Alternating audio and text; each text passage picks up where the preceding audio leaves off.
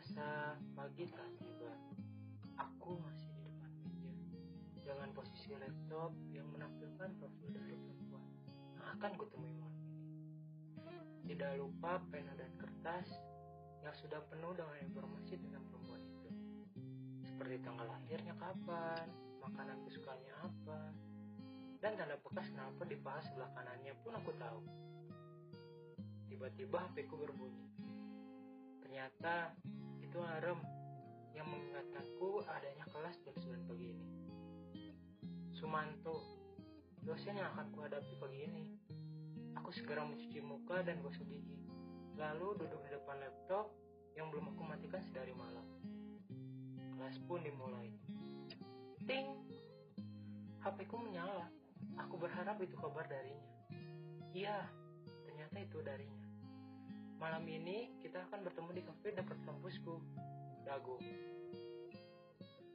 Pukul 7 malam aku bersiap dengan penampilan terbaikku. Baju biru dengan luaran flanel, celana jeans, sepatu converse, dan si jarwo. Si Vespa Super tahun 75. Sudah semua siap. Aku pun berangkat menuju Dago.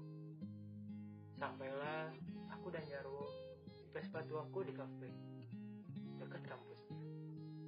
Ting, notif darinya. Kamu di mana? Aku sudah di kafe di meja nomor 12, pakai celana hitam dan baju warna merah. Aku di parkiran, baru saja sampai. Aku pun bergegas menuju meja nomor 12. Tapi aku heran, kenapa semua pengunjung di sana memakai baju warna merah? Seperti sedang di kantor pantai saja. Tibalah aku di depan pintu kafe dan melihat dari jauh perempuan dengan rambut panjang di meja nomor 12. Hai, sapaku. Hai juga, sambut dia dengan wajah terheran-heran. Kok kamu pakai baju biru? Emang kenapa? Kita kan lagi nomor MU. Kebetulan hari ini yang bilang Chelsea.